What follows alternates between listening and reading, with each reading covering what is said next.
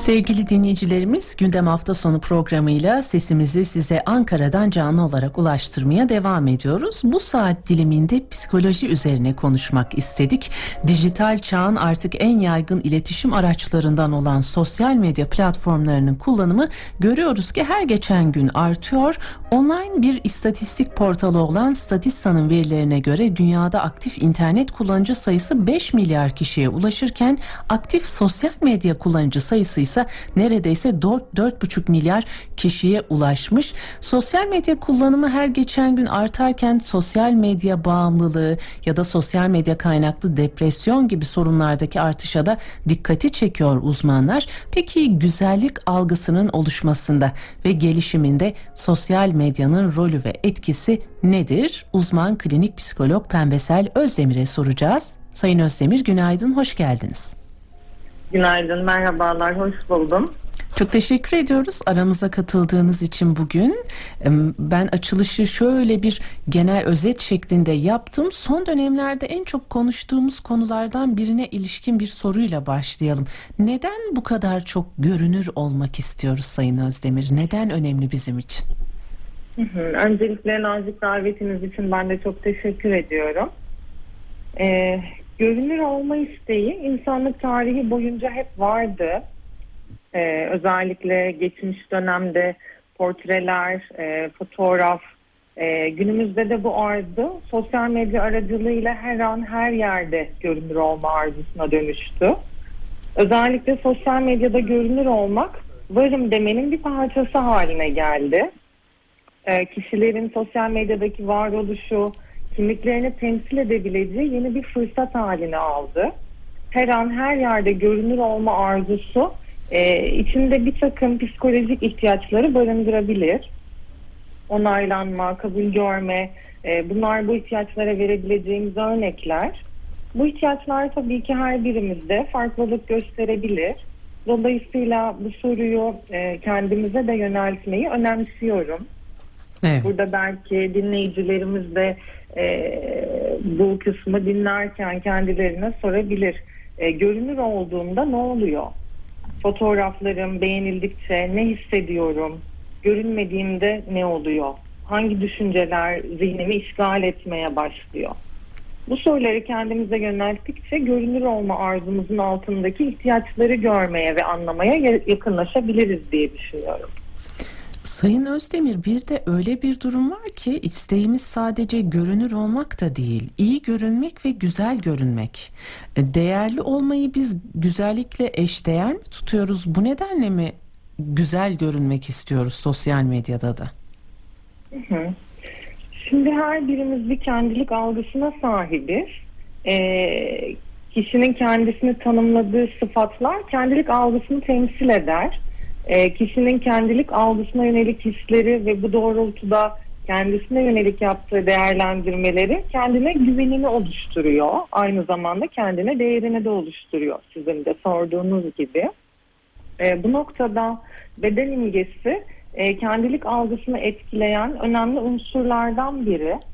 E, bedenimizin zihnimizdeki temsili bedenimizi nasıl algıladığımızı gösterir sosyal medyada dayatılan sürekli güzel görünme algısı her zaman her yerde kusursuz ve güzel görünen ideal bir benlik algısına yani gerçekçi olmayan bir idealizasyona sebep olabiliyor. Kişinin algıladığı benlik imajı ile idealize ettiği benlik imajı imgesi arasında fark açıldıkça da kişi gerçeklikten kopuk bir zeminde kendisini değerlendirmeye başlıyor. Güzel görünme baskısı kişinin yetersizlik, utanç, suçluluk gibi duygular hissetmesine yol açabiliyor. Bu duygulara yoğun bir şekilde ve uzun süre maruz kalmak da birçok psikiyatrik hastalığı tetikleyebiliyor. Şimdi evet. e, Sayın Özdemir hemen yapımcım da bir soru iletmemi rica etti. Neden bu kadar çok dış onay bekliyoruz diyor. İnsanın kendisini sürekli başkasının gözünden görmesi ve değerlendirmesi e, herhalde sağlıklı bir zihnin yapacağı bir şey de değil. Hı hı. Ee, onaylanma ve aslında kabul görme ihtiyacı her birimizin e, zaman zaman hissettiği, yaşadığı bir durum. Ama sürekli e, görünürlüğümüz üzerinden, e, bedenimiz üzerinden bir onay ve kabul görmek bu sefer e, kendimizle yabancılaşmaya, e, çevremizle de sağlıklı ilişkiler kurmamıza engel olabiliyor. E, çünkü görüntüyü temel alarak e, kendimizi değerlendirdikçe bu sefer e, sanki sadece görüntümüzden veya bedenimizden ibaretmişiz gibi algılamaya başlıyoruz. Bu sefer duygular, düşünceler e, anlamını yitiriyor gibi oluyor başka e, birçok faktörde.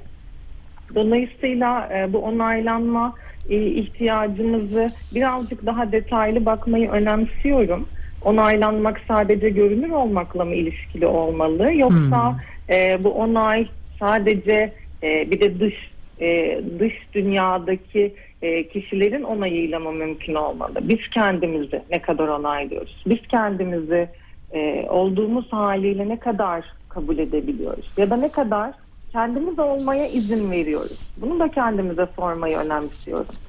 Evet, önemli olan bizim fikrimiz aslında. Dışarıdan gelecek yorumlara, e, bu kadar da dayanmamak gerekiyor zannediyorum. E, Maslow'un o ihtiyaçlar hiyerarşisini dinleyicilerimiz hatırlayacaktır. Temelinde e, çok insani ihtiyaçlarımız vardır. Artık öyle bir duruma ulaştı ki güzellik de sanki bir temel ihtiyaçmış gibi görülebiliyor. Ancak siz e, açılışta da e, aslında insanoğlunun var olduğu günden bugüne bir görünme isteğini, güzel görünme isteği olduğunu belirtmiştiniz.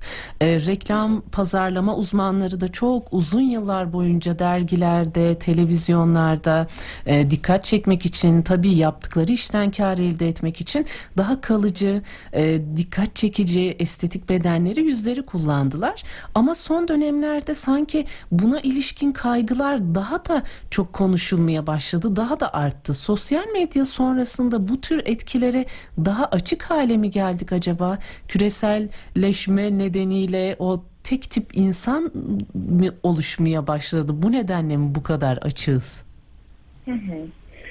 Ee, dediğiniz gibi güzellik olgusu tarih boyunca hep dikkat çeken bir konu olmuş. Filozofların, edebiyatçıların, sanatçıların. Ee, özellikle biz bugün psikolojik açıdan ele aldığımızda da e, sosyal medyanın günümüzde hayatımıza girmesiyle birlikte çok dikkat çeken bir konu haline geldi. Çünkü e, insanlar artık varlığını e, görsel olarak e, temsil etmeye ve sürdürmeye başladı. Evet. E, bu güzellik olgusu dediğiniz gibi bazen toplumdan topluma değişebiliyor ama bazen de toplum içerisinde zamana göre de değişebiliyor ama değişim her ne kadar olsa da e, sizin de bahsettiğiniz gibi küresel bir etkiye de sahip oluyor ve kişileri tek tip bir güzelliğe, tek ideal bir bedene yoğunlaştırıyor. Ee, burada bu sosyal medyada dayatılan o tek tipleşmiş, o kusursuzlaştırılmış, idealize edilmiş bedenler gerçeklikten uzak bir zeminde güzellik olgusunun ele alınmasına sebep oluyor. Sürekli fit olmak, güzel veya yakışıklı görünmek vurgulanıyor. Bunun sonucunda kişi kendi bedeninden hoşnut olmamaya başlıyor. Bedenine yönelik duyduğu memnuniyetsizlik kişinin beden algısına dönüşüyor.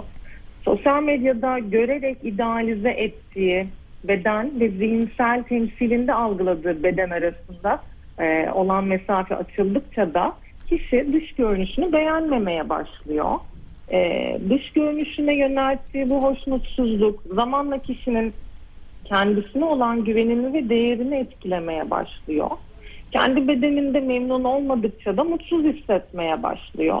Sosyal medyaya baktığımda da her zaman mutlu, eğlenceli, huzurlu görünen, aynı zamanda da her zaman kusursuz, fit, güzel veya yakışıklı kişilere bakıyor.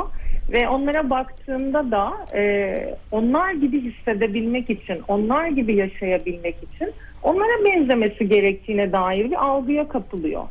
Böylece de e, tek tipleşen bir yüze, tek tipleşen bir bedene doğru birçok müdahaleler başlıyor. Birçok estetik müdahaleler başlayabiliyor. Veya e, kendisini her zaman fit ve zayıf görmek için e, kontrolsüzce, diyet veya kontrolsüzce yemeği durdurmaya başlayabiliyor.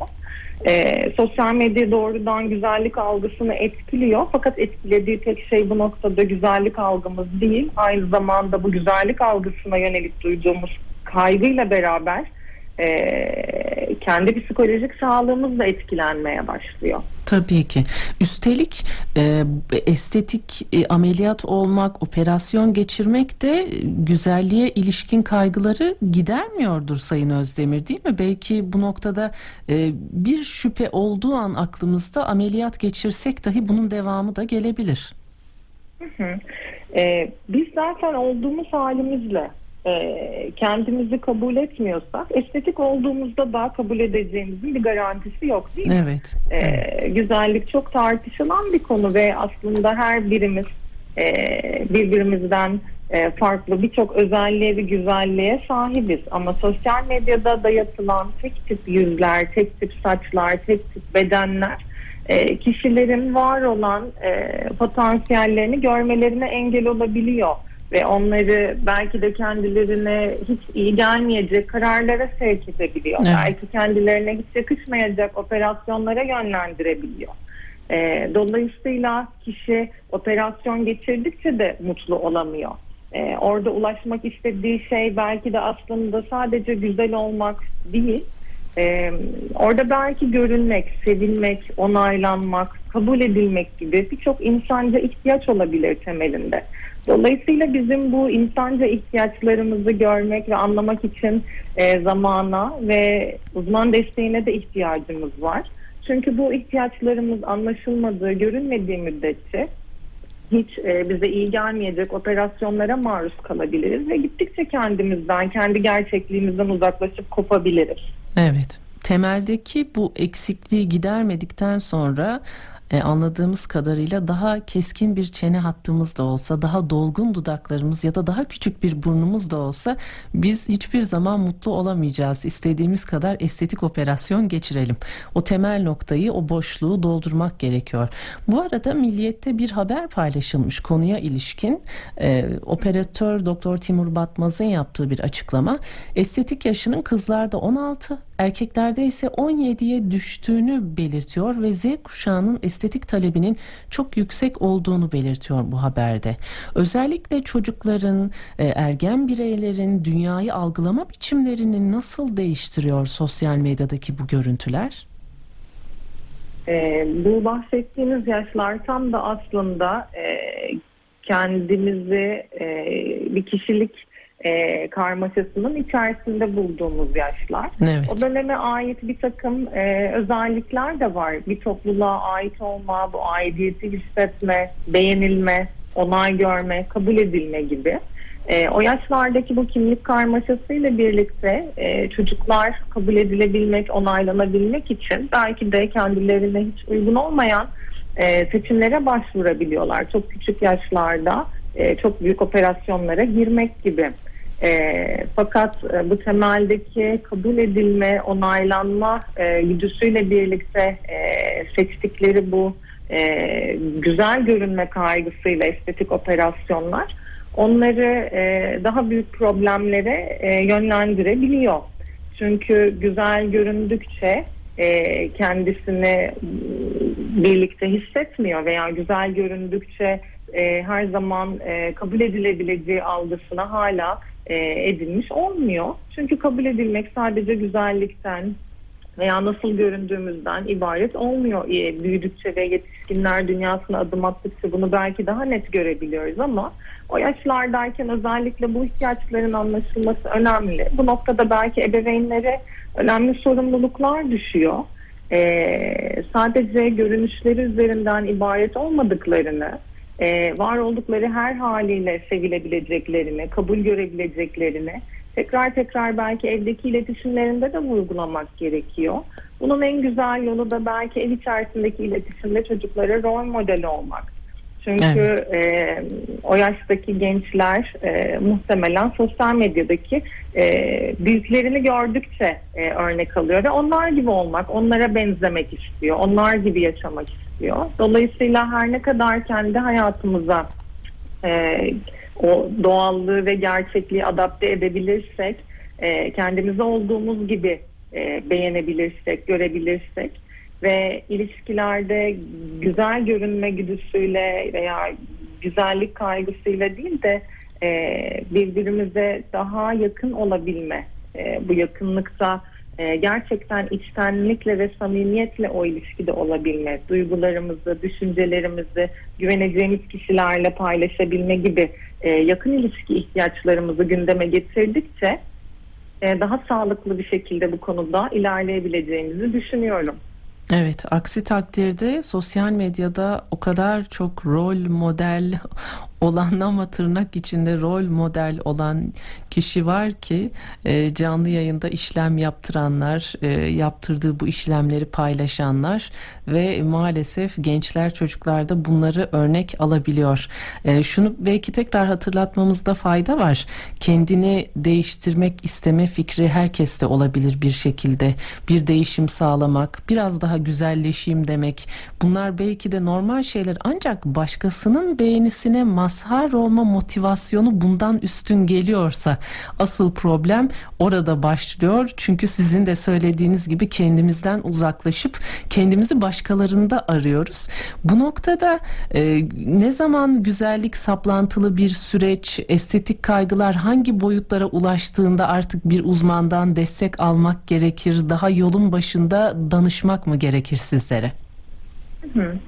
E, dayatılan güzellik algısı sebebiyle kendilik algımız ve değerimiz olumsuz bir yönde var oluyorsa, e, kişi kendi gerçeğinden uzaklaşıp yaşantısını yansıtmayan sahte kimlikler oluşturuyorsa ve bu durum kendisine yabancılaşmasına, yalnızlaşmasına sebep oluyorsa, aynı zamanda da yaşamsal ve sosyal işlevselliğini bozuyorsa bu konuda mutlaka bir uzmana başvurmak gerekir.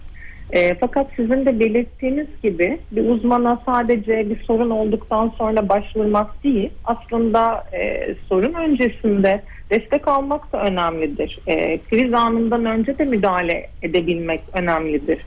E, bu sebeple e, bu konularda yani e, neden görünür olmak istiyorum, neden güzel olmak, neden beğenilmek istiyorum gibi soruları kendimize yönelttiğimizde eğer cevap bulmakta zorlanıyorsak veya bu soruları sormakta zorlanıyorsak, neden bunları istediğimizi bilmiyorsak, daha yolun başındayken bir uzmanla bu yola çıkmak e, kişinin kendisine yapabileceği belki en güzel yatırım olacaktır. Kesinlikle. Bu arada Sayın Özdemir e, bu yetişkinlerin beden algısı üzerine yapılan çalışmalara baktığımız çalışmaların çoğu daha çok kadınlar üzerine yapılmış. Bu da ilginç bir nokta. E, kadınlar erkeklere göre bu etkilere daha mı açık böyle bir çıkarımda bulunmak mümkün mü acaba? Neden kadınlar üzerine yoğunlaşıyor özellikle bu çalışmalar? Hı. Ee, aslında her zaman e, kadın bedeni üzerinden güzellik imgesi ele alınmış. E, güzellik, estetik e, bunlar hep kadın bedeni üzerinden temsil edilmiş ve e, sanki güzellik ve kadınlık birbiriyle eşleştirilmiş gibi. E, kadınlığa güzellik eklenmiş bir özellik gibi bu sebeple belki sürekli sosyal medyada veya yapılan araştırmalarda hep kadın ve işte güzellik olgusu yan yana ele alınmıştır. Ama günümüzde özellikle baktığımızda artık sadece kadınlar bu güzellik baskısıyla e, problem yaşamıyor. Aynı zamanda erkekler de sürekli fit olmak, yakışıklı görünmek gibi e, kaygılar yaşamaya başladılar. E, sanıyorum ki artık gün geçtikçe de bu sadece kadınlar üzerine e, yapışan bir etiket olarak kalmıyor. Artık her iki cinsiyeti de etkileyen bir problem haline geliyor. Evet, evet. Gerçekten öyle ve çok acı e, beden algısıyla ilgili yapılmış bu çalışmalarda kadın katılımcıların da ağırlık ortalamaları e, Dünya Sağlık Örgütü'nün belirlediği standartlara göre normal skaladaymış. Ona rağmen bedenlerinden memnun değillermiş. Belirttiğiniz gibi muhtemelen erkekler üzerinde de aynı çalışma yapılsa yine aynı sonuçlara ulaşılacaktı. Cinsiyet temelinde değerlendirmekte çok doğru olmayabilir.